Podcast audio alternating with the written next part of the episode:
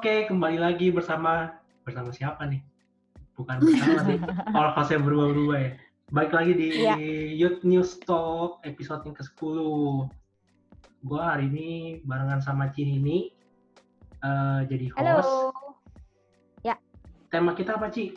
Tema kita kali ini adalah kapan nikah. Bener gak sih? Ini kapan nikah maksudnya? Wah. Oh, jangan. Don't take it personal dong. Wah, jadi kita Ah, hari tadi ini tadi perasaan yang dikenalin baru Nini deh. Kok ada yang nyaut Iya. ini? makanya nih Ah, ini siapa kita ini kenalan siapa? juga dong sama Iya. narasumber kita malam hari ini. Betul, Ya karena kita rekamannya malam ya. betul. Jadi ada siapa hari ini Josh? Kita kenalin dari yang cowok dulu deh. Ada Koriki. Halo. Boleh kenalan dulu kok Riki. Ya, nama saya Riki. Eh, sudah berkeluarga, punya satu istri, dua anak. Jangan dibalik ya. Wah. pusing kalau Oke kok, pusing. sudah menikah berapa lama kok? Tahun ini sudah 17, memasuki ke 18. Ih, sweet 17 ya. Iya, betul. Oke. Terus kita lanjut sama narasumber kita, perempuan. Yang namanya siapa? Silakan memperkenalkan diri. Yeay, halo semuanya. Eh, saya Christine. Istrinya Doni. Oh, Ah, kode nih. tahu Eh, suami berapa, anak berapa? eh, anaknya Bernice. Terus udah berkeluarga tahun ini tahun ke-8. Wow, jauh banget kok Riki. Setengahnya ya, setengahnya ya. Nggak Oh, apa-apa. Jadi ada jadi ada perwakilan yang masih er- nggak early juga sih ya, 8 tahun juga udah mulai middle ya kok ya. ada perwakilan. Gantung Sama yang, berapa? Eh, tahun. Oh iya iya iya. Ya. Berarti early early intermediate sama yang udah advance gitu ya. Ya kan tadi Mantap. Sampai berapa tahun? Kalau sampai 100 tahun saya mah masih beginner. Oh gitu. Kayaknya nggak nyampe dah satu tahun mah. Kita mau pulang duluan kali. Tuh, udah pulang duluan kok. Siap. Mantap. Oke. Nah, jadi tema malam hari ini tadi kan udah disebutin tuh. Jadi basicnya bakal ngomongin eh kayak kita sebenarnya sih lebih ke yang belum menik, lebih yang belum menikah sih. Makanya kita undangnya Koriki sama Cikito nih yang belum menikah. Eh, yang sudah menikah maksudnya. Belum Iya, kita iya. tahun kita tahun belum nikah. Iya, iya. Kita, Belum maksudnya- menikah dua kali ya kok. Iya, kayak gitu. Jadi kita mm, kita mau mau tanya-tanya eh, mendingan nikah dulu atau karir dulu nih kayak gitu. Lebih ke situ sih arahnya sih. Seru ya Betul. topiknya ya. Oh ya makanya nih jadi kayak yang sedang mempersiapkan, yang masih bingung, yang yang apa lagi ya? Yang yang belum Yang ada belum pikiran sama ada sekali calon. kan. Nah, bisa bisa bisa Yang udah booking gedung ya. eh, terus di cancel Iya. gara-gara corona. Ah. Nah, jadi pusing. Jadi ada waktu buat mikir-mikir lagi ya? Iya. Bukan ya, bukan ya.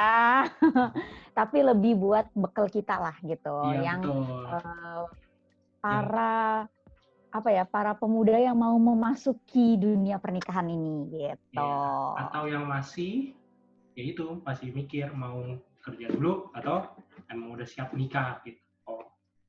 Nah Betul. sebelumnya sebelumnya kita dengerin dulu kali ya kayak misalkan kayak Koriki background kayak misalkan uh, dulu tuh nikahnya umur berapa sih? Terus kerjanya dulu kayak gimana pas-pas uh, pas mau nikah gitu kan? Jadi pengalamannya aja sih gitu. Lebih ke pertama kali background, eh, bukan background ya, tapi eh, dulu Koko kayak berapa lama ta- berapa lama pacaran, terus akhirnya memutuskan menikah, terus saat itu menikah di usia berapa dan eh, untuk pekerjaannya seperti apa gitu. Ini untuk buat Koriki dan juga buat Kiton. Pertanyaannya sama untuk eh, background dulu nih gitu, background narasumber. Oke. Jadi kalau ditanya eh, saya mulai bekerja itu di tahun 2000. Jadi di Hmm. tahun 2000 itu usia saya 24 tahun. Ya, 24 tahun. Eh, tapi sebelum bekerja itu kan saya eh sorry sorry udah udah bekerja udah bekerja jadi saya masuk kerja itu tahun 2000 bulan September nah di tengah-tengah itu memang saya sedang pendekatan sama seorang gadis. Bukan gadis desa gadis kota eh, yang sudah saya kenal empat tahun sebelumnya. Nah, jadi waktu itu masih pendekatan-pendekatan dan dia juga yang memberikan masukan-masukan karena kan ada beberapa eh, interview yang saya jalani sampai akhirnya saya bisa diterima di perusahaan yang sampai sekarang saya masih bekerja. Jadi tahun 2000 saya mulai bekerja, terus nggak lama eh, saya baru memberanikan diri untuk yuk jadian pacaran. Gitu. Jadi kerja dulu nih posisinya. Jadi kerja dulu baru pacaran ya. Ya kerja dulu baru pacaran. Tapi kenalnya Tapi udah itu tahun berapa ya kok? Tahun 2000. Tapi- Oh iya tahun 2000 tahun Tahun 2000. 2000, Udah udah milen- udah milenium itu, udah milenium. Udah, udah, udah masuk milenium. betul. berarti Oke. kenalnya pas masih kuliah atau sekolah. Iya, Oh, betul. Pas masih kuliah. Oke. Cocok nih yang denger nih Pan. Pas. Pas. Pas. Lagi Lanjut, lanjut, umurnya, Pak, lagi lanjut. umurnya. Ya, lalu eh, saat kami mulai pacaran, memang buat saya sendiri sih targetnya pacaran tuh dua tahun. Maksudnya dua Oke. tahun itu udah menikah atau siap menikah gitu ya. Jadi dua tahun itu masa-masa pengenalan. Eh, dan Tuhan jawab itu ya dua tahun lebih sedikit sih. Jadi 2000 saya pacaran, saya menikah itu Januari 2003. Jadi kurang lebih ya memang dua tahun lebih sedikit gitu ya. Jadi setelah jalan setahun pacaran, nah kami mulai mempersiapkan eh, pernikahan. Begitu. Oke. Hubungannya sama pekerjaan, saat itu hmm, saya berus bekerja di satu perusahaan yang memang eh, pos eh, sistemnya adalah flat organization. Mungkin kalau sekarang nggak tahu ya, eh, cukup familiar atau enggak. Kalau dulu juga termasuk eh, dalam kategori aneh sih, karena kan banyak kan orang itu berjenjang banget gitu kan. Nah, waktu saya masuk itu eh, levelnya cuma dibagi dua, manajerial sama non manajerial. Nah, jadi waktu saya masuk itu saya sudah di, di posisi yang pilihannya adalah di manajerial, lowongan yang ada adalah di posisi manajerial dan benar-benar tingkatannya itu sangat pendek. Di atas saya itu managing director, di atas managing director langsung owner, CEO. Oke. Jadi level manajernya tuh banyak manajernya gitu. Hmm. Hmm. Saat itu jadi setelah lolos probation tiga bulan jadi manajer. Nah, lu bingung kan? Fresh graduate tiga bulan. Berarti berarti di, di usia 24 tahun ya kok ya? Ya di usia 24 tahun. Oke. Nah, tadi kan Koko bilang eh, ada pemikiran eh, dua tahun terus menikah gitu ya, pacaran dua tahun lah kurang lebih. Nah, itu sebenarnya sudah pernah dipikirkan jauh sebelumnya gitu ya, maksudnya dari belum ada pacar gitu atau memang setelah punya pacar memikirkan itu gitu. Oh sebelum sebelum. Jadi kan sering Oh. ikut ya, sering ikut pembinaan-pembinaan. Ntar itu biasa kan LSD lah, love sex and dating, ngomongin tentang pacaran, tentang segala macam.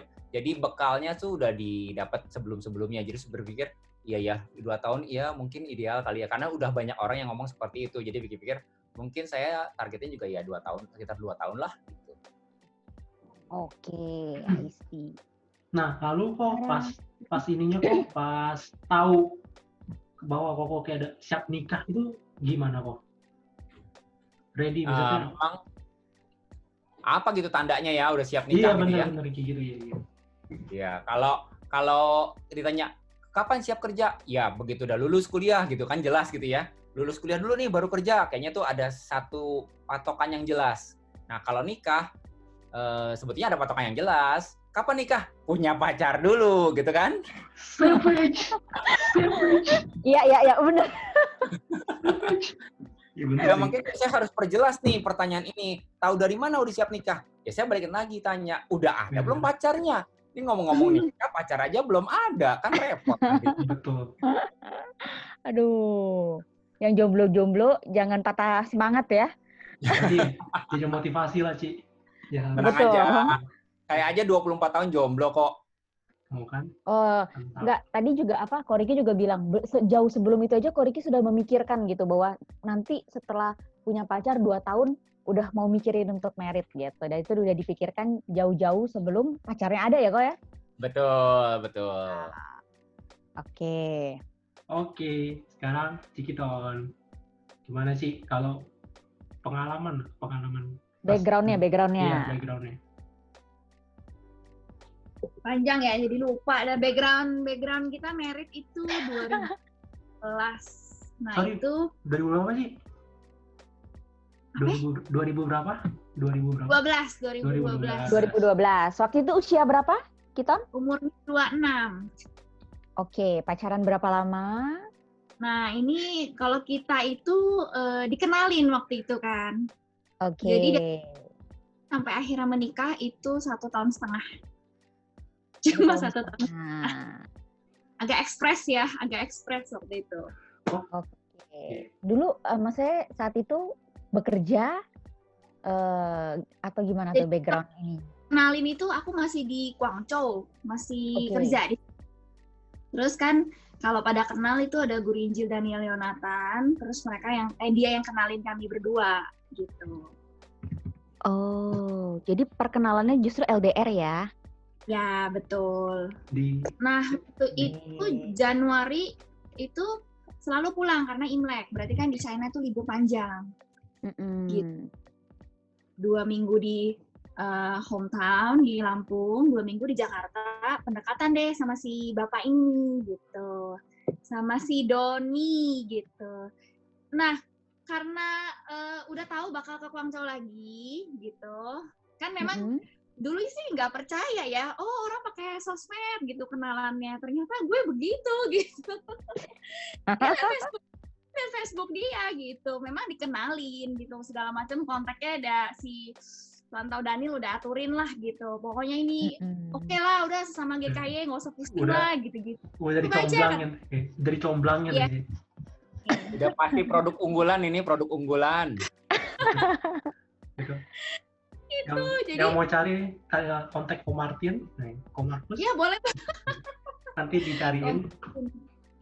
Oke, tadi kan kalau kalau Ricky kan emang mungkin kan karena cowok juga yang lebih ngelit gitu kali ya. Jadi udah pemikiran pokoknya dua tahun eh, gua akan siap-siap nih gitu untuk pernikahan gitu. Nah kalau Kiton sendiri eh, kapan akhirnya se- ketika berpacaran kapan memutuskan untuk oke yuk kita persiapan. Tadi kan Koriki satu tahun ya kok ya?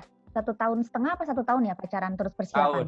Ya, jadi begitu ta- udah tahun, terus eh, Mhm. kita oke yuk kita sama-sama pikirin tentang menikah gitu. Oke. Nah kalau dari Kiton? ya itu ya balik ya ekspres ya jadi eh, jadi eh, waktu itu kan belum ya dua minggu itu tertarik sih. Maksudnya memang lagi ngobrol tertarik ketemu juga makin tertarik gitu kan. Lalu balik dong balik kerja. Lalu eh, dia tanya gimana nih kelanjutan hubungan? Gitu. Ya udah. Bilang ya udahlah kamu ke sana satu bulan. Dalam arti itu ya udah. Maksudnya ya kalau bisa ya boleh gitu kita bisa lanjut. Karena kan kalau nggak kenal juga eh ternyata dia sanggupin tuh satu bulan ke Cina waktu itu jadi kita spend time di situ. Oke, jadi nostalgia ya nih ya. Terus terus? Ah, ah. terus eh, giliran dia pulang saya yang ditantang balik gitu. Ah, itu mungkin bulan eh, cepet sih ya proses kita ya bulan lima mungkin ya udah gitu. Dia bilang gini kalau kamu serius sama hubungan kita ya kamu pulang gitu dia bilang. Oh, Hmm, Hmm, akhirnya ya kalau memang kalau serius kita pulang nggak bisa jarak jauh kayak gini gitu. Jadi akhirnya eh, ya pikir-pikir-pikir kayaknya Juni atau Juli aku udah balik gitu. Kebetulan memang company-nya eh, bisa dilanjutin di Jakarta. hmm. Oke, kalau Jadi- gitu kalau kalau boleh tahu sebelumnya di Guangzhou kerja apa?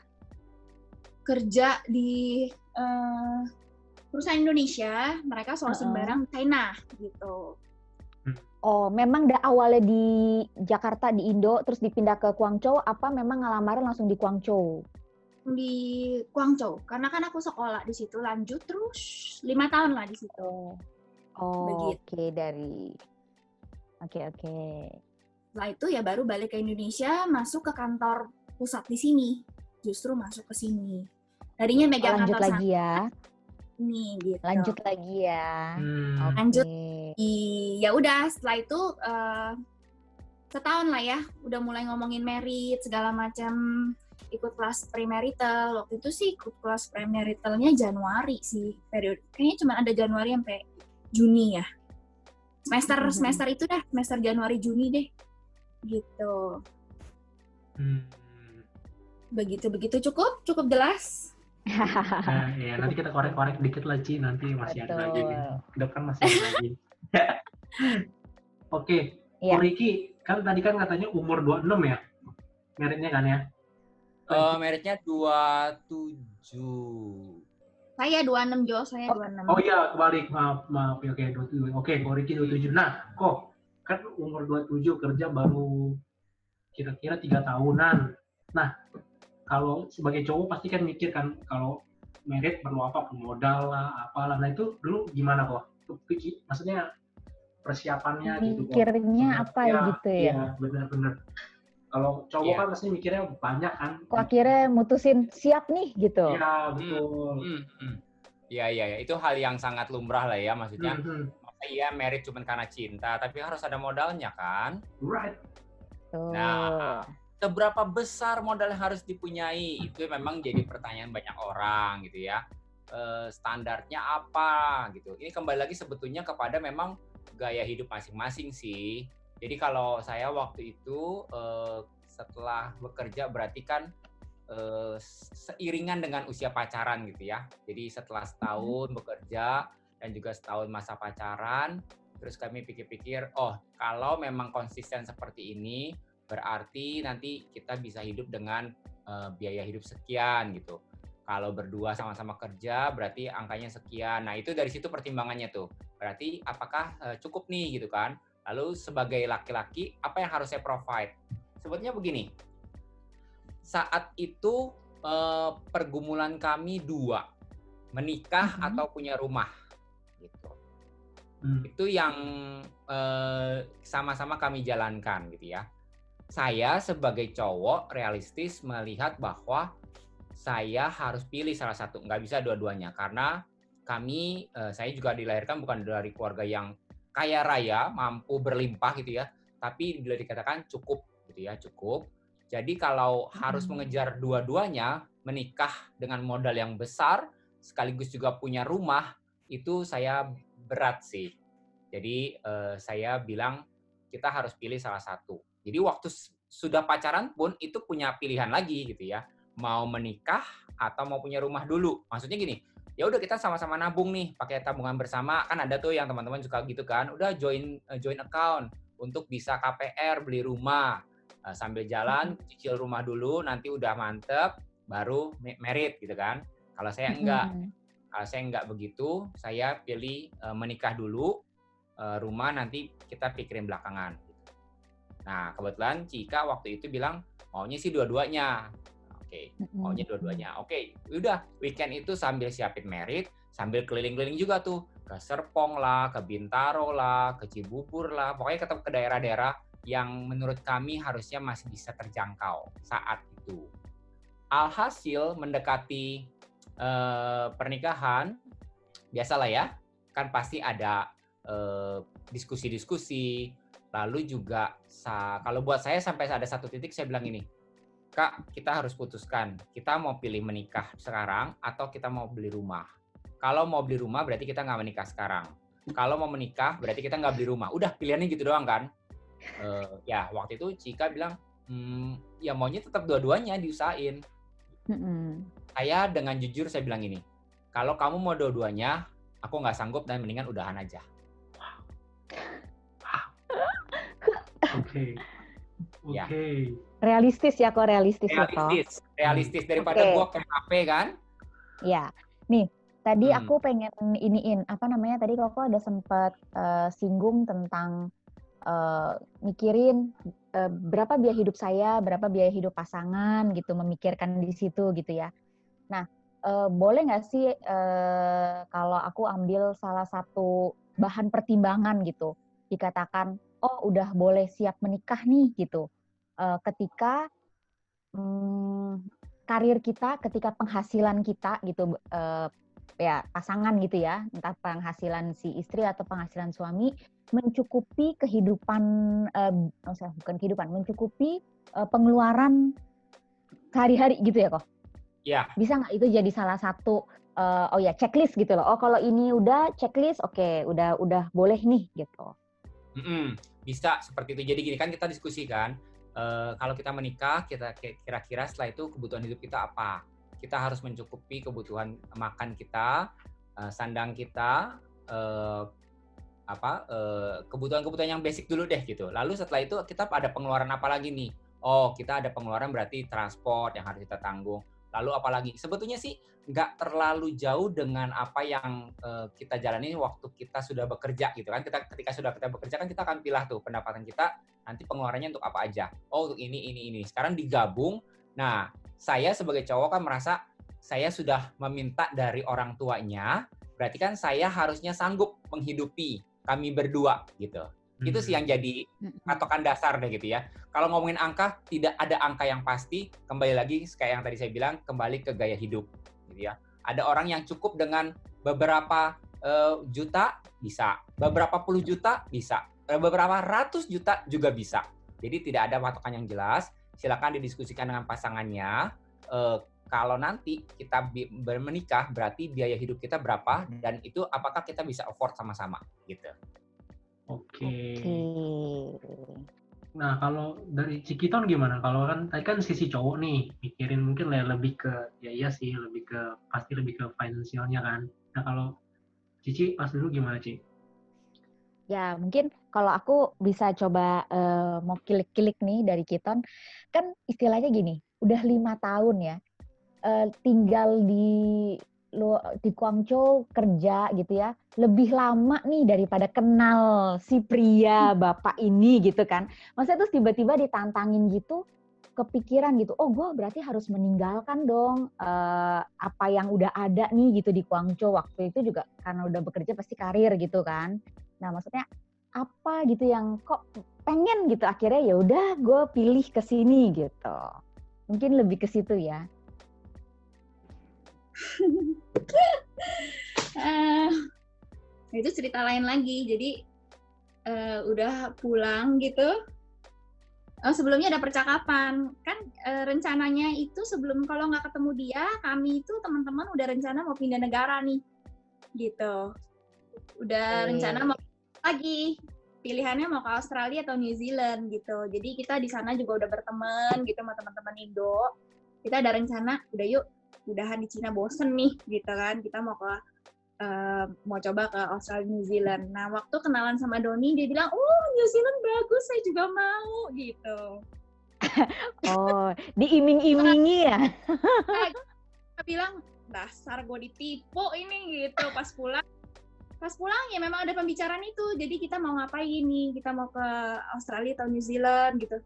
Terus dia baru bilang memang karena mungkin udah udah biasa ngerantau ya karena kan dari SMP terus ke SMA ngerantau ke Jakarta gitu ya. Jadi udah biasa uh, hidup sendiri gitu terus pindah lagi pindah lagi gitu terus berjiwa bebas jadi, ya berjiwa bebas.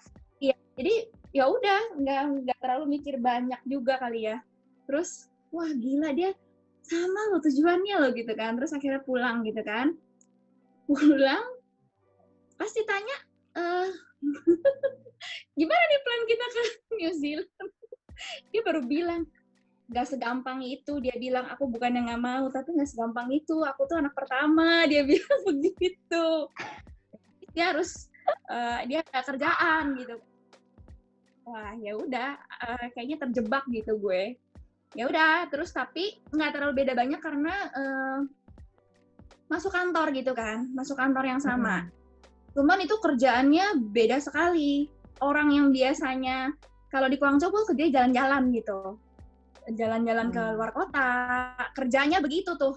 Kan pergi cari barang ke pabrik mana gitu-gitu kan. Lihat pameran ini atur barang seperti ini. Sampai di Jakarta itu dikotakin dalam satu kantor. Hmm. ya itulah perbedaannya. Itu nggak betah banget gitu. Waktu itu eh, memang manajer ada penyesuaian gaji juga karena kan dari sana ke sini gitu kan. Dari sana ke sini atas permintaan gue gitu. Jadi ya tapi nggak kayaknya sih nggak terlalu gimana sih ya. Itulah cuman lebih stresnya karena gue dikotakin di kantor. Itu stres banget. Gitu. Hmm. ya udah mau pulangnya karena memang eh, serius sama Doni dan kirain bakal pindah lagi. Gitu. Awalnya begitu Aku tertipu gitu ya. begitulah terus eh, apa benar ya pertanyaannya itu ya jawabannya Iya, iya. Benar-benar. Eh, terus mungkin kalau tadi kan dari sisi eh, pria gitu ya, dengar Koriki, oh ya eh, salah satu poinnya bisa memikirkan apa tadi eh, biaya hidup gitu kan. Nah, kalau perempuan kalau dari Kiton sendiri ini maksudnya titik poin apa mengatakan oke, saya siap gitu. Hmm, siap karena eh, masa gini Don apa si Doni gitu bikin gue mantep gitu loh.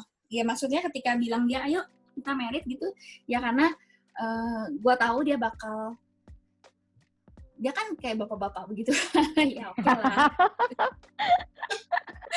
kayak dia mengungkapkan hati gitu loh. Kayaknya gue juga nggak bakal kelaparan sama dia gitu. Ber- berarti Melihat dari postur tubuh juga gitu ya. kan belum ngembang nih. Gitu. tapi yang dia lakukan itu menunjukkan oh dia mantap sih gitu dia mantap gitu dia bakal nggak bakal kelaparan lah gue nggak bakal sampai nggak ada tempat tinggal gue nggak bakal sampai eh, nggak ada makanan itu secara finansial gitu. Memang karena mungkin kami berdua eh, juga sama-sama kerja terus lebih ke bukan kayak Koriki gitu loh perhitungan gitu kan. Orangnya financial planning banget itu kita belajar banget. Tapi karena kami itu kayak mungkin pedagang kali ya ya duit muter aja gitu. Jadi jadi hari esok pasti ada gitu dalam pikiran. Kita ya berarti kayak gitu di kodoni kan kuncinya di kodoninya kan, di cowoknya kan, yang pas itunya. Iya. Mantapnya di gara-gara kodoni ya. Berarti Iya. ya sebagai cowok emang harus yang mantapkan. Wih, Itu apa, tips. Mm-mm, walaupun Tips. kondisinya walaupun maksudnya mungkin belum bisa beli rumah tapi kan kita cewek bisa lihat gitu ya ini orang mau kerja keras atau enggak gitu terus kayak mana modelnya pasti Hmm. eh, sebagaimana dia berjuang gitu itu kan pasti kelihatan kan Oke. Jadi bukan eh, ya maksudnya eh, kita sebagai perempuan juga melihat gitu ya pasangan kita seperti apa, bukan berarti oh harus oh dia harus manajer dulu, direktur dulu, punya ini, punya itu, punya segalanya gitu ya. Tapi tadi ya kita melihat bahwa pasangan kita itu punya kerja keras, punya maksudnya kita bisa lihat gitu ya. Oke. Kalau ditarik lagi ini ke tema kita kan berarti nikah atau karir dulu. Berarti kalau dari Koriki gimana? Eh, kalau waktu itu kan saat eh, saat itu kan aku gini, maksudnya eh, karir ini tuh gimana ya? Apakah dibatasi dengan bekerja lalu ber- mengejar karir dulu seperti itu?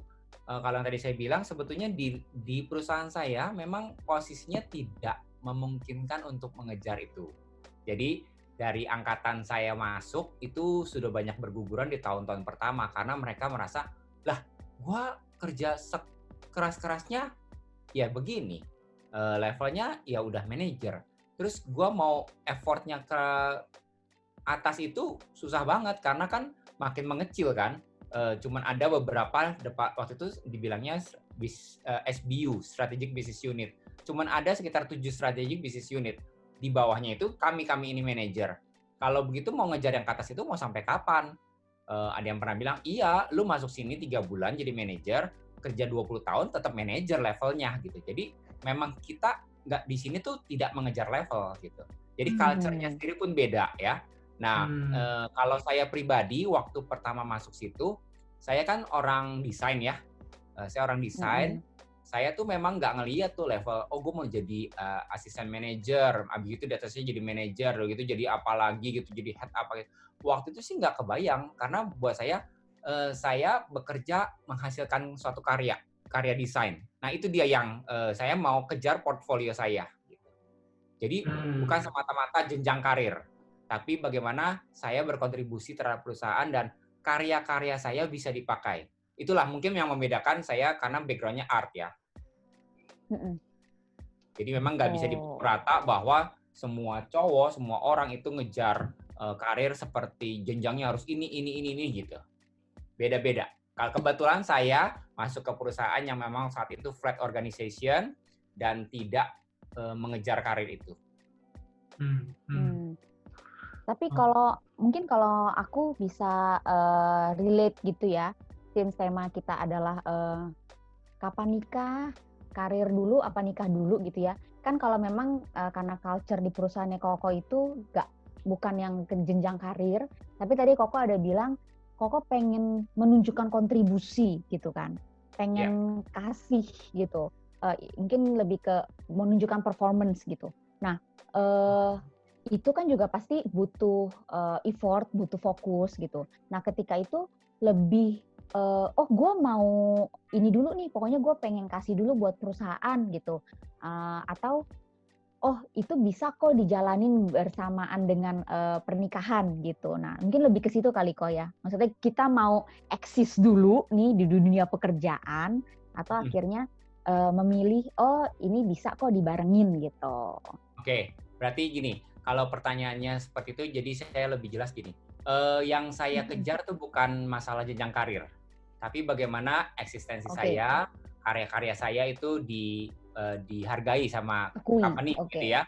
Nah, Mm-mm. ini juga merupakan buat saya tuh eh, blessing. Saya bekerja di satu perusahaan yang bukan advertising agency, Mhm. tapi kami itu in-house agency, katakanlah gitu. Kalau teman-teman tahu saat itu di tahun 2000-an eh, semua agensi itu mengejar award ya, eh, yang Hmm. namanya Pariwara Award.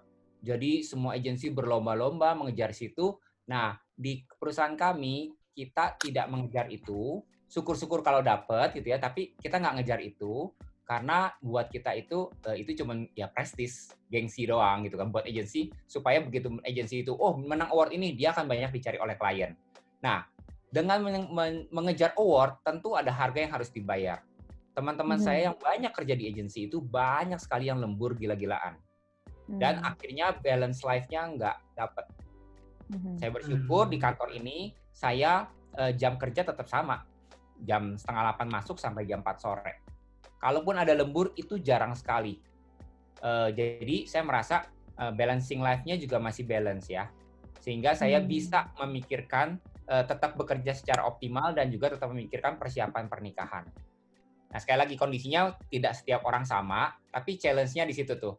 Mungkin ada teman-teman yang terchallenge bagaimana harus kejar karir atau eh, kerjanya harus banyak lemburnya sehingga yang satu dalam tanda kutip tidak diprioritaskan gitu ya. Kebetulan memang saya ini berjalanan beriringan sehingga bisa dijalani bareng-bareng Hmm. seperti itu. Oke, oke, oke. Oke. Kebaikan Tuhan semata lah ya, bukan karena saya ya. Itu benar-benar eh, blessing. Enggak, tapi tapi eh, kata kuncinya cukup mewakili sih kok menurut aku. Maksudnya kayaknya bisa diterapkan gitu di eh, semua eh, pendengar juga gitu ya. Maksudnya kondisinya apakah pendengar itu punya eh, jenjang karir yang menantang atau mungkin flat aja. Tapi intinya di tadi di kata kuncinya balance life gitu. Jadi bisa mengimbangi kehidupan pekerjaan dengan kehidupan yang lain gitu. Iya. Betul, betul. Hmm. Ya, Oke. tapi lebih susah lagi itu kan kalau misalnya kita kerja sama orang ya, kalau kita usaha itu kan berarti nggak ada jenjang karir kan. Nah itu ya itu nggak ada batasannya, lebih lebih pusing itu. Nah, mungkin mungkin mungkin kita bisa kilik-kilik ke Kiton Nah, nih. Nah, ya. karena eh, Bisnis. bener ya karena Iya, pasangan karena- bisnis bukan maksudnya usaha sendiri gitu si Hmm. bapak Iya benar Bapak usaha sendiri waktu itu ya. Mm-mm. Kalau Doni waktu itu kita ya beriringan gitu. Beriringan dan yang ya memang beriringan. Udah mau merit soalnya. Jadi Oh, eh, Jadi udah udah ngebet gitu ya berarti nggak ber- berarti emang udah udah di set dulu, berarti udah emang pilihannya merit dulu gitu kan? Atau Karena- sih? eh, usaha udah running sih ya. Maksudnya gini sambil sambil jalan aja gitu. nggak ada yang sampai eh, ngejar bagaimana harus buka tiga kantor. Enggak sih gitu. Ke- kebetulan belum perlu seperti itu. Tapi seiring nanti nanti kebutuhan naik nah baru mungkin mikir gitu nanti berikut berikutnya punya anak atau apa gitu. kita kayaknya Hmm. santai sih siapin merit sampai akhirnya udah kesel karena gue kantoran lembur terus gue disuruh berhenti Hmm. tiga bulan nah tiga bulan itu kita siapin merit dah jadi Oh. Karena- dia kerja sendiri jadi memang lebih fleksibel sih gitu dia yang atur ya udah gue yang lebih nggak fleksibel karena gue karyawan kan pagi Oke. masuk Oke. pulang malam akhirnya dia kesel dia udah berhenti aja lah kata dia gitu tiga bulan sebelum merit eh, kita baru siap-siap semuanya tuh jadi Hmm. ketemunya ekspres Iya memang udah putusinnya lama, tanggal semua ketemu keluarga udah, siap-siapinnya beli baju segala macam, foto pribadi eh, tiga tiga bulan sebelumnya, karena itu gue setelah jadi karyawan beres gitu. Hmm. Oke. Oke, Nah, karena waktu itu gue masih double job, jadi gue masih gue jadi karyawan di situ, tapi gue tetap pegang yang di eh, China masih tetap jalan tradingnya. Jadi malah Hmm. ngerintis eh, baru, jadi di situ eh, sibuk sih gitu. Nah, akhirnya ya udah Oh. dia bilang ini nggak bisa deh gitu, udah udah udah, berhenti aja gitu. Nah, Hmm. ini jadi satu hal yang menarik nih. eh kan maksudnya eh kalau kayak aku pribadi, aku juga eh bekerja gitu ya. Nah, eh kan kita sendiri juga sebelumnya bekerja gitu. Terus tiba-tiba eh, dibilang gitu, udah berhenti aja gitu. Nah, ada tantangan tersendiri nggak sih? Maksudnya atau ada eh, apa ya strugglingnya gitu? Kok gua kan dari dulu bekerja, gua udah udah apalagi ya, maksudnya kalau bekerja kan karena kita pegang uang sendiri gitu ya. Terus tiba-tiba disuruh berhenti gitu loh, which is uh, saat itu kan belum menikah gitu. Uh, ada kan yang memang setelah menikah oh baru berhenti. Nah ini nih belum belum diikat nih intinya nih kan, belum pak belum sah gitu. Eh kok udah berani gitu untuk memutuskan, oh ya udah gue tinggalin nih dunia karir gue gitu kan. Nah itu uh, struggling apa yang uh, kita alami gitu. Boleh sharing? Ini- Ini kayaknya lupa nih. Tadi di awal-awal kan kita udah bilang tuh. Oh iya nanti kita ke New Zealand gitu. Nah ada iming-iming nih. Kita belum denger loh nih iming-imingnya apa. Sampai dia berani berhenti Oh. kerja. Oh gitu. Nah ini, nah ini dia yang harus kita dengerin. Tadi Benar. iming-iming pulang ke Jakarta karena dibagiin ke New Zealand gitu kan. Nah Ah. sekarang sekarang berhenti kerja diiming-imingi apa ini? Nah, yakin deh, yakin deh. Kita Coba tuh boleh sharing. untuk ya gue berhenti kerja, nggak ya, nggak- pasti deh seperti itu deh. Ya kan? Nah maksudnya apalagi ditambah kan kita punya jiwa bebas gitu loh. Maksudnya tiba-tiba harus tek tek tek seperti ini tuh coba strugglingnya gimana? Em, awal berhenti kerja itu super seneng banget. Oh gitu. Teman-teman ingat nggak tadi gue bilang ketika gue harus pulang masuk ke kantor gue gue menderita banget. Gue menderita banget. Oh. Karena karena Ya. suasana kerja di sini gitu ya yang nggak kondusif gitu ya. Ya belum lagi penyesuaian. Saya nggak bisa bawa mobil jadi ke mana-mana naik kendaraan umum kan. Kalau di Hmm. luar kan kendaraan umumnya eh, cukup baik gitu. Yang di sini Hmm. Oh ya begitu gitu. Udah gitu terikat waktu pagi bangun, malam udah capek banget. Pulang kerja tuh capek banget. Jadi kayak buat gue tuh penyesuaiannya ya nggak cocok lah. Nggak cocok lah sih kita kerja di kantoran kayak gitu. Stres gue gitu kan. Terus Oke. eh, akhirnya, hmm, ya saat itu seneng banget bisa berhenti kerja gitu kan. Apalagi dia kan ngomel-ngomel, dia bisa tunggu gue dari jam 4 sampai jam 6 di kantor gitu. Jadi Oh. nih gitu kan terus ya udah akhirnya eh, karena waktu tiga bulan itu ada yang dikerjakan kali ya kita buru-buru siapin merit waktu itu Hmm. jadi nggak terlalu berasa dan masih happy nah itu setelah merit baru muncul Hmm. baru muncul tuh gitu eh ribut mau minta kerja segala macem kayak gitu pegang duit sendiri kalau dulu kan masih ada tabungan gitu kan Nah, masih oke. nggak masih santai lah kayak gitu nah setelah merit baru udah gitu Hmm. Jadi kali ini tanpa iming-iming ya. karena karena udah keburu nggak suka kok sama lingkungan kerjanya. Iya, betul, betul, kesempatan. betul. Justru ini kesempatan. bukan iming-iming diomelin terus yang lain pulang kenapa kamu belum pulang sih gitu Oke. Ya begitu. Nah, tadi kan udah ini kok sama Ci. Nah, ini Hmm. udah melewati masa-masa itu kan. Pasti ada kayak eh do bukan do and don'ts-nya. Bukan, tapi jangan do and don'ts juga sih. Apa ya bahasanya ya? Ya pokoknya kalau kayak kayak, kayak kayak kita masih belum melaku, belum di tahap itu, kira-kira apa yang bisa kita lakukan gitu dari sekarang? Oh, mungkin kayak saran-saran ya, Iya, kayak saran-saran saran-saran. and trik gitu Hmm. Kalau bagi tadi, kita-kita yang hmm, belum kalau masuk pernikahan. Hmm. Kalau tadi kan Korike ngomong nih ikut seminar-seminar pre-dating class. Nah itu kan mungkin teman-teman yang dengar juga itu up itu gimana gitu kan? Apakah di lingkungan umum atau di lingkungan gereja atau di mana gitu kan? Itu sangat pengaruh kan sama nanti gimana keputusan kita ke depannya gitu. Mungkin ada tips-tipsnya atau gimana gitu pas saat, saat melewati masa itu? Dengan pasangan tentunya ya. Ini ngomongnya udah ada pasangan gitu ya. Eh, boleh dari ya kan ini kan pasien denger kan ada yang pasang ada yang udah pasangan ada yang belum punya pasangan sih jadi Hmm. boleh yang pas pas belum punya pasangan tapi udah mikirin ke depannya gitu kan juga bisa jadi bisa ya kasih tipsnya Jadi buat lebih ke pengalaman pribadi gitu ya. Maksudnya eh, hmm, yang udah mereka lewatin benar ya jadi maksudnya lebih ke pribadinya sendiri gitu akhirnya eh, tek gitu bahwa oh ya ini yang diperlukan untuk mempersiapkan dan oh ini tek eh, ya ini titik poin oke siap nih gitu untuk masuk ke pernikahan gitu. Mungkin lebih ke situ kali ya. Hmm. Ya, saya coba jawab ya. Kalau dari Hmm. pengalaman saya, buat teman-teman yang masih jomblo, yang belum ada pasangan, jangan sedih. Saya pacaran itu umur 24 ya. Jadi jangan Oke. sedih. Eh, jadi maksudnya selesaiin dulu aja tuh tahapan-tahapan sekolah dari SD, SMP, SMA, kuliah gitu ya. Tapi memang yang saya bilang saya itu pacaran setelah saya bekerja gitu ya, setelah saya bekerja. Tapi coba-coba pacaran sih udah banyak gitu kan.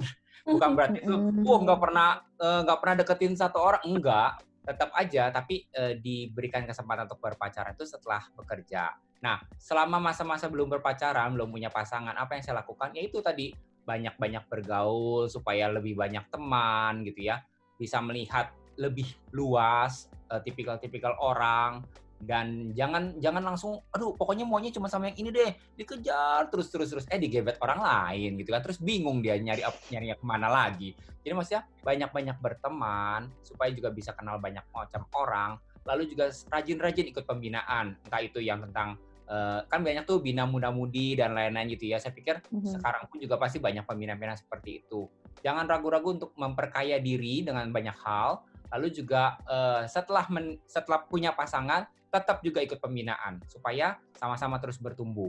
Nah, kalau tadi Kiton kan bilang eh, mereka ikut kelas pranikah, kami ikut kelas pranikah justru di tiga bulan setelah kami pacaran. Saat itu, saat itu kami ikut, kami direkomend sama satu teman yang sudah menikah, dia bilang begini, lu baru mulai pacaran, eh, lu justru harus ikut dari awal. Karena kalau cuma tiga bulan lagi mau merit baru lu ikut, sayang. Banyak hal yang lu perlu kerjakan di awal, tapi sering kali tertutup oleh segala hal-hal teknis yang kalian perlu lakukan dalam mempersiapkan pernikahan. Jadi kami ikut kelas pranikah itu tiga bulan setelah kami pacaran. Bener, kami berasa banyak dibekali, walaupun kami tahu, wah masih jauh nih, masih panjang nih, tapi banyak PR tuh yang harus dikerjakan. Membina relasi kami lebih baik lagi, komunikasi, bagaimana menghadapi konflik, dan teman-teman jangan lupa kalau di GK Sunter ada kelas pranikah setiap tahun sekali. Sekalian promosi secara panitia promosi. di marital Iya. class ya. Dan teman-teman akan dibimbing oleh para mentor-mentor. Kebetulan di sini ada juga mentor yang uh, melayani gitu ya. Jadi jangan ragu-ragu membuka diri untuk terus belajar seperti itu. mantap Oke kok, tadi kalau misalnya boleh di-relate sama kita punya tema gitu kan, karir atau nikah. Nah, ka- kalau ke karirnya sendiri gimana kok untuk eh, memasuki pernikahan ini? Konsep, maksudnya kalau secara koko pribadi sendiri menanggapi. Uh, menanggapinya gitu ya. Jadi kalau mau dikejar karir dulu atau menikah dulu gitu. Uh, saya pikir ini harus didiskusikan dengan pasangannya. Oke. Uh, uh, kalau memang pasangannya merasa, oke, okay, uh, saya masih bisa nunggu kok untuk kamu kejar karir sampai tahapan tertentu. Ya udah lakukan bareng-bareng. Karena kan kalian mau menikah berdua kan, bukan sendiri. Mm -hmm. Jadi sudah harus dibiasakan komunikasi, diskusi berdua, disepakati berdua kita maunya gimana gitu. Orang lain mungkin bisa bilang, oh lu mah kecepatan lu merit, ah lu mah kelamaan lu merit nanti begini-begini. Enggak, yang jalanin kalian berdua. Jadi silakan diskusikan berdua, baiknya bagaimana, sambil juga tanya para eh, mentor-mentor yang kalian kenal atau hamba-hamba Tuhan memberikan masukan-masukan. Seperti itu. Nah kalau Cikiton, gimana sih? Wajangan, hmm. wajangan, wajangan buat kami. Buat kami. Wajangan ya. kalau kalau soal karir atau menikah, buat aku sih itu bisa beriringan. Memang memang harus beriringan, putusin benar kata Koriki. Tapi harusnya sih itu bisa beriringan beriringan banget sih gitu. Enggak nggak bukan perlu ya, bukan dibentrokin gitu. Iya, bukan kayaknya itu bukan uh, hal yang bisa maksudnya itu pasti berjalan bersamaan gitu. Kalau persiapan menikah, lu akan uh, karir lu juga akan bisa jalan sih. Kalau buat gue sih itu bukan hal yang bisa bentrok bener sih Koriki gitu. Jadi hmm. pede aja kalau memang uh, udah yakin, memang dua-duanya mau sepakat. Uh, Doni sih pernah kita aku pernah tanya dia, kok nekat banget sih Totonya udah ngajakin merit gitu. Ya nunggu hmm. siap nggak nggak bakal siap lah kata dia gitu. Okay. Yang penting berani, terus ya kita jawab lah kalau kata Doni sih bilang begitu. Ini gue lagi jadi inget-inget masa lalu gitu. gitu. Jadi, iya jadi itu maksudnya, uh, ya kalau nunggu siap ya nggak bakal siap-siap gitu kan tingkat kesiapan orang lain-lain ya. Disepakatin hmm. aja ketika siap kayak tadi Koriki. Oh kalau kalau udah punya rumah berarti siap, memang sepakatnya begitu. Atau oh oke okay, udah punya apartemen boleh segala macam ya itu sepakat lagi berdua dan bagus banget kalau bisa ikut premarital atau uh, seminar-seminar sebelumnya uh, itu bagus banget. Jadi segala sesuatu tuh lebih direncanakan. Ah, nggak kayak kita kita belajarnya di dalam pernikahan gitu. Alangkah baiknya ketika sebelum mulai menikah kita belajar dulu. Akan lebih indah pada waktunya mungkin ya gitu. Amin. Good good good good good oh oke. Okay. kok mungkin uh, ini mau di uh, sebagai closing atau enggak gitu ya. Cuman aku ada satu pertanyaan. Uh, kan Koriki di sini juga sudah uh, kita anggap senior gitu ya daripada kita kita yang ada di sini gitu.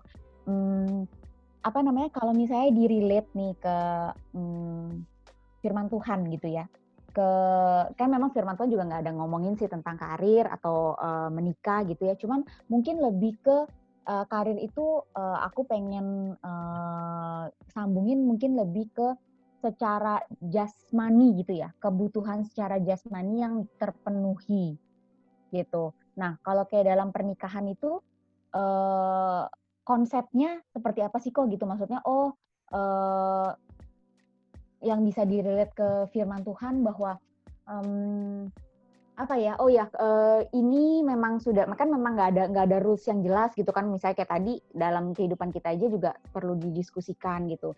Cuman kalau uh, seperti yang Tuhan inginkan dalam pernikahan itu pernikahan yang seperti apa sih gitu? Hmm oke. Okay. buat aku uh, seperti yang aku dapat waktu masih di masa-masa kuliah gitu ya. Yang namanya bekerja itu adalah mandat budaya jadi mm -hmm. memang itu memang yang Tuhan mandatkan untuk kita bekerja gitu kan. Jadi kan Tuhan bilang kan uh, uh, usahakanlah taman ini gitu kan kepada uh, Adam. Jadi di situ kan memang uh, bekerja saat itu kondisinya adalah bukan sebagai hukuman dosa, tapi memang itu Tuhan meminta manusia untuk mengerjakan ya mengusahakan taman itu jangan um, waktu Adam diminta memberi nama kepada para binatang itu kan juga pekerjaan ya kan sama ketika kita mengidentifikasi sesuatu kan itu kan juga pekerjaan kita.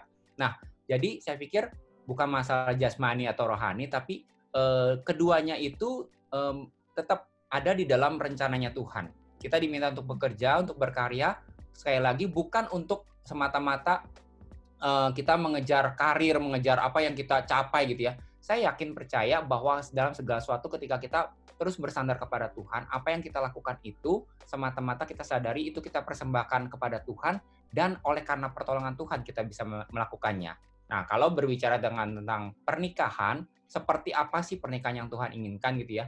saya Hmm. eh, ya banyak hal gitu ya belajar walaupun tiap tahun itu bikin kelas pranikah tapi terus tiap tahun itu diingatkan dan juga banyak belajar bahwa pernikahan itu memang eh, tidak semua orang dipanggil untuk menikah betul ya tidak semua orang dipanggil untuk menikah tapi ketika kita Hmm. punya eh, panggilan untuk menikah dan menjalankannya itu ingat aja bahwa panggilan menikah itu bukan semata-mata untuk memenuhi oh saya tuh punya pasangan hidup yang bisa menemani saya sampai saya nanti meninggal atau gimana. Bukan. Tapi bagaimana saling sama-sama bertumbuh di dalam Tuhan. Itu dia sih. Ya ba- bagaimana seperti firman Tuhan bilang kan besi menajamkan besi manusia menajamkan sesamanya. Jadi justru dengan kita punya pasangan bagaimana kita boleh makin mencintai Tuhan melebihi pasangan kita dan demikian juga dengan pasangan kita. Makin mencintai Tuhan melebihi kita.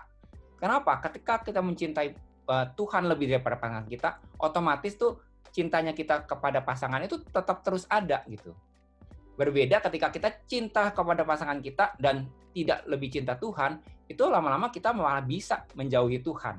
Tapi justru ketika kita semakin dekat, semakin mengasihi Tuhan, dengan pasangan pun akan otomatis. Jadi jangan dibalik seperti itu. Hmm. Hmm. Oke, oke. Dari kita ada mau nambahin nggak? Enggak, yang bicara udah senior soalnya. Aduh. Oh, udah 17 udah senior. udah 17 tahun ya, 17 tahun. Iya, Oke, Mau masuk ke 18. oke, mantap, mantap. setuju sih kebetulan kalau Doni sama aku tuh kita sepakat ya hubungan kita itu harus bikin kita semakin bertumbuh dalam Tuhan. Nggak cuma dalam hubungan tapi kerjaan kita pun begitu gitu. Kita kita bilang kalau memang kita kerja terus tapi kita nggak bertumbuh ya berarti kita harus mikirin eh, apakah caranya salah atau bidangnya mungkin Nggak sesuai. nggak cocok buat kita gitu. Kita pakai sepakatnya begitu. Kita menilainya seperti itu. Jadi eh, apa? Ya itulah semuanya lu harus tarik ke Tuhan ketika hubungan ini membuat lu dekat sama Tuhan dari pacaran aja kan udah kelihatan tuh. Ya Mm-mm. berarti maju deh. Tapi kalau misalnya membuat lu nggak bertumbuh sama Tuhan, koreksi lagi. Cara salah satunya gimana ya ikut kelas premarital sih. Di situ Balik lagi. Tetap promosi, tetap promosi. Oke. Kalau aku tadi dapat sesuatu dari penjelasan eh Koriki maupun Kiton gitu ya. Hmm, tadi dibilang kan sebenarnya bekerja itu juga eh, adalah mandat budaya gitu. Dan menikah juga mandat budaya walaupun menikah itu nggak untuk semua orang gitu ya. Eh, jadi eh, ya ini Tuhan kasih kita gitu. Jadi untuk pekerjaan, untuk karir dan menikah dua-duanya Tuhan kasih buat kita. Dan sebenarnya ini pun bisa berjalan beriringan gitu ya. Bukan salah satu yang harus dikejar dulu. Hmm, tapi balik lagi gimana relasi kita sama Tuhan untuk kita tahu gitu ya di titik mana eh, kita em, bisa menjalankan untuk lebih baik lah gitu ya jadi untuk relasi pun ketika eh, menyatakan siap ya tadi semakin apakah relasi kita semakin membuat kita dekat sama Tuhan apa tidak gitu mungkin kalau karir juga dikatakan karir yang baik juga bukan sekedar em, apa jenjang karir oh udah manajer udah direktur Iya. gitu tapi apakah pekerjaan kita itu memuliakan Tuhan apa tidak gitu Hmm. oke oke Nah, good nah point, kalau point. dari dari gua apa ya? Maksudnya yang kesimpulan yang gua dapat ya, ya misalkan kalau ya kita masih single, ya pasti harus cari dulu intinya, gitu kan ya. Lalu yang udah punya pasangan, ya yang paling penting ya komunikasinya ya. Kalau dari Koriki sama Cikiton sih, ya pasti komunikasi antara pasangannya. Kalau enggak ya kita kan nggak mungkin nikah sendiri gitu kan. Lalu untuk karir, Hmm. untuk karir ya tadi sih sangat apa mendengar apa sih kita ngomong kalau mau nyampe cukup ya nggak bakal cukup gitu kan. Mau nyampe mana pun nggak bakal cukup. Jadi ya harus kita cukup cukupin gitu kan. Ya itu menurut gue ya bagus banget sih maksudnya untuk hidup cukup. Itu emang emang harus begitu. Kalau nggak nggak bakal bisa memuaskan ya keinginan kita sih. Jadi intinya eh, menikah dulu atau karir dulu, tapi Iya. dua-duanya sebenarnya bisa dijalanin beriringan gitu ya. Tapi yang penting tadi satu ya, harus sudah punya pasangan ya. iya benar benar benar Baru ada pilihannya. Kalau enggak ya pilihnya mungkin karir dulu kali ya. benar benar Oh, sama tadi, sama tadi baik karir maupun pernikahan itu ya ketika kita menjalaninya apakah kita semakin eh, memuliakan Tuhan gitu. Mantap, mantap, mantap. Thank you ya apa, uh, Koriki, Cikiton, waktunya Ya, thank you bersama Koriki bersama Cikiton Sama. buat sharingnya, buat berbagi pengalaman. Iya. buat kami-kami yang belum dan ingin dan mau menikah. Ya, boleh hubungi saya dan Doni, Jos. Oh iya benar.